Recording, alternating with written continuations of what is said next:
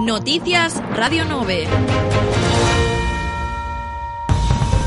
Ben, saudos dende Radio 9 comenzamos este tempo de novas ofrecéndolle os titulares máis destacados da xornada.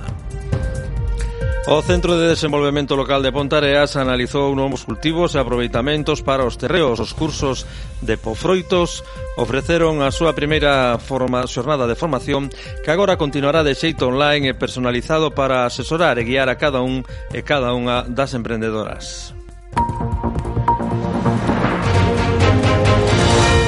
O Concelleiro de Mobilidade, Roberto Mera, mantén que o plan de mobilidade será, según indican as enquisas realizadas, a confirmación do que o povo de Pontareas elixiu e a darlle a confianza maioritaria nas pasadas eleccións municipais.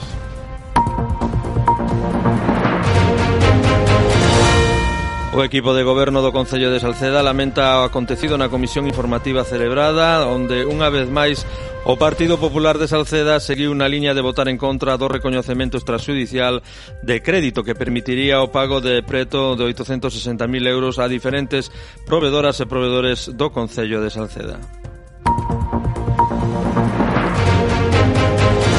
A monologuista Verónica Rilo actuará no Centro Cultural de Arcos.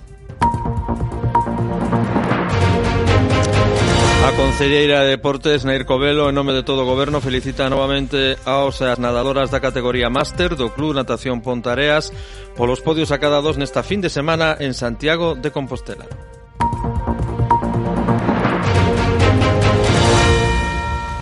Ben, e comenzamos o desenvolvemento destas novas co objetivo de revitalizar eh, propiedades abandonadas, impulsar a creación de plantacións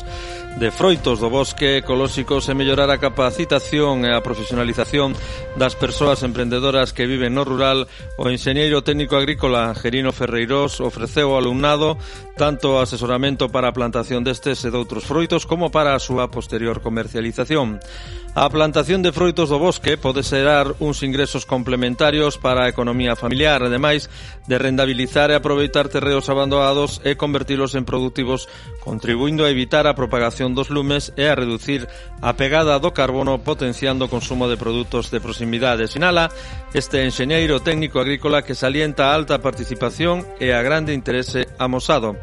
A Concelleira de Emprego e Formación Vanessa Fernández e a Concelleira de Medio Ambiente Rosa Covelo deron a benvida aos participantes do curso de Pofroitos ofertado pola Deputación de Pontevedra e elas nos falan desta iniciativa. Vanessa Fernández.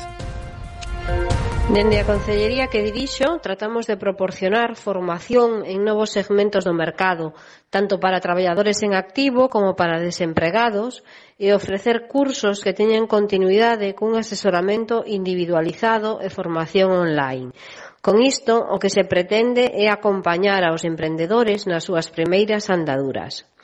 Tratamos así dende a Concellería de contribuir na creación de emprego ou complementar a actividade daquelas persoas que xa están a apostar polo rural. Tamén valoraba esta actividade a concelleira de Medio Ambiente Rosa Covelo. Este tipo de iniciativas como a que oferta Depofroitos en colaboración co Concello de Pontareas é moi necesaria, moi importante. Por un lado, estamos utilizando terrenos abandonados ou dicimos como podemos utilizar esos terrenos abandonados plantando este tipo de especies. Cando nos traballamos un terreo evitamos a propagación de lumes. Iso nos fai cumplir a lei de incendios. Ben o contacto coa terra propicia tamén a inclusión no mundo laboral de persoas en risco de exclusión, axuda no tratamento de enfermedades eh, mentais e fomenta e supón unha oportunidade laboral que cada vez máis está nas mans das mulleres.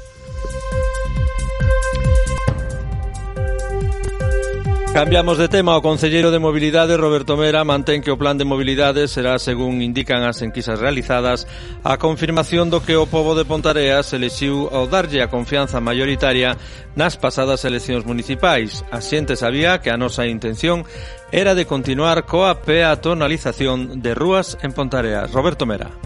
Eh, para nós o máis eh, relevante e que de alguma maneira que saben a confirmar o que era unha percepción subxetiva que podíamos ter no goberno local e incluso pues, eh, despois dun proceso electoral como o que hubo ano pasado donde eh, todo o mundo sabía que este goberno aposta por unha política de penalizacións, creemos que de alguma maneira o resultado electoral viña xa a avalar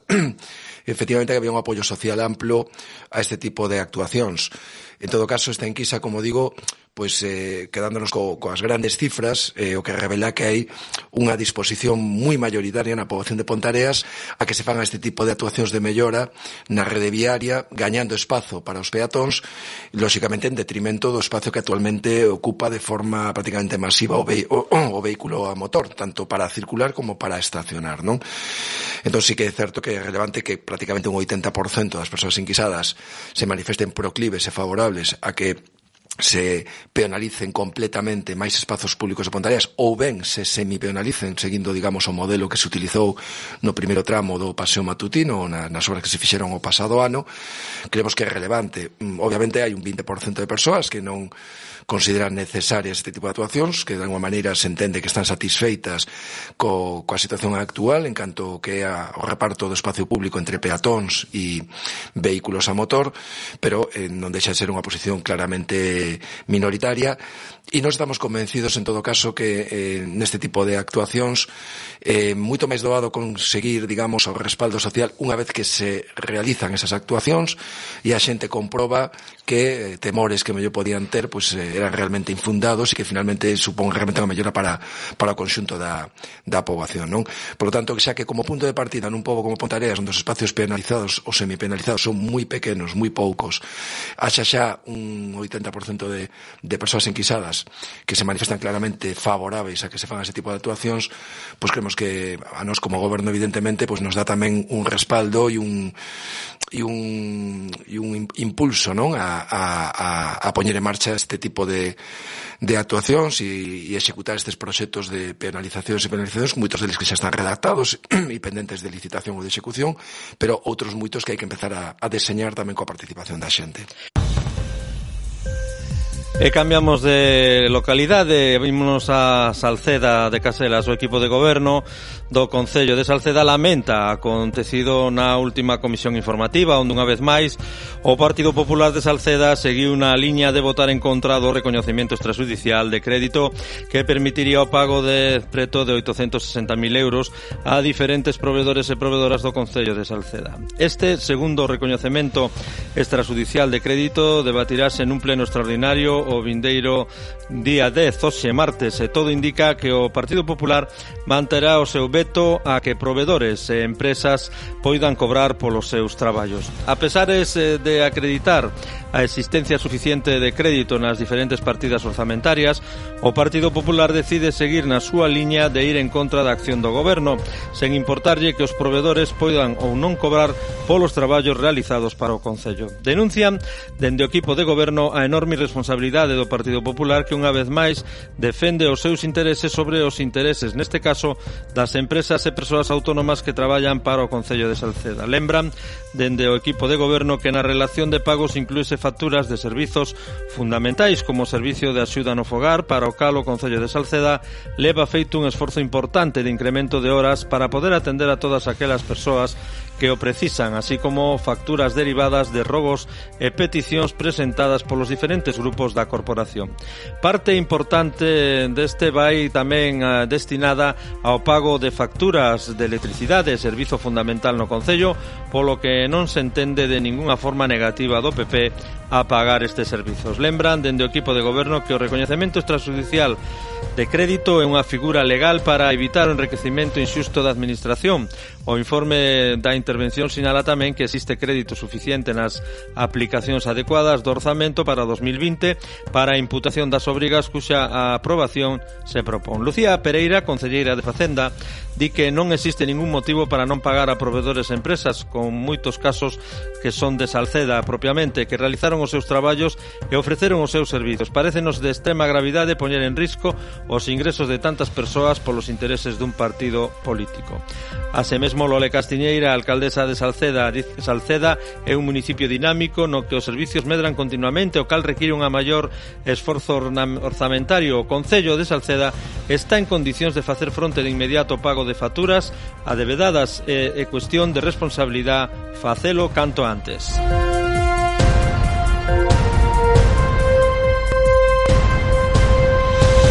E continuamos, a Consellería de Cultura do Concello de Pontareas informa que a monologuista Verónica Rilo sustituirá ao monologuista Cándido Pazó que por motivos de saúde non pode ofrecer o seu espectáculo vindeiro domingo día 22 de marzo. As veciñas e veciños poderán igualmente gozar do mellor humor da man de Verónica Rilo e dos seus contos e leiras o domingo 22 ás 17 horas no Centro Cultural de Arcos, enmarcado dentro da programación de Cultura 24 que leva ás parroquias unha programación cultural anual estable.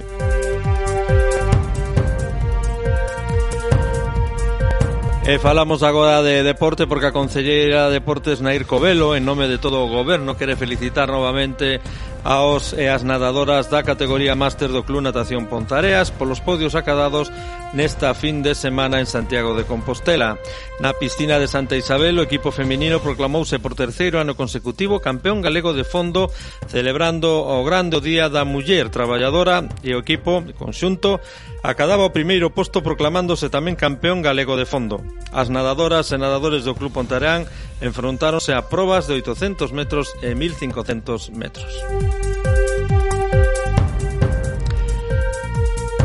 Ben, e por si non chegaron a tempo o inicio deste tempo de novas, eh, lle recordamos cales foron os nosos titulares máis destacados. O Centro de Desenvolvemento Local de Pontareas analizou novos cultivos e aproveitamentos para os terreos. O curso de Pofroitos ofreceu a súa primeira formación que agora continúa de xeito online e personalizado para asesorar e guiar a cada unha das emprendedoras e emprendedores.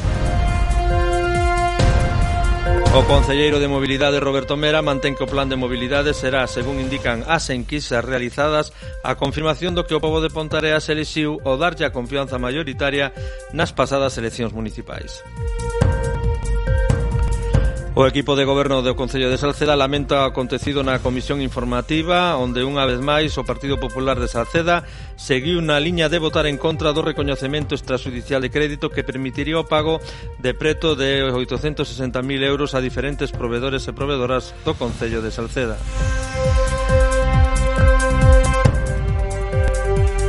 A monologuista Verónica Rilo actuará no Centro Cultural de Arcos.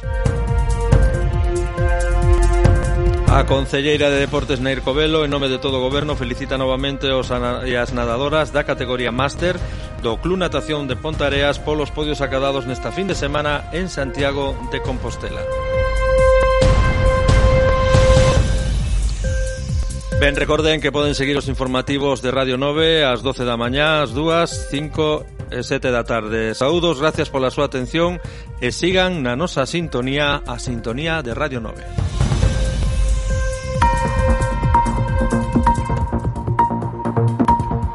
Noticias Radio 9.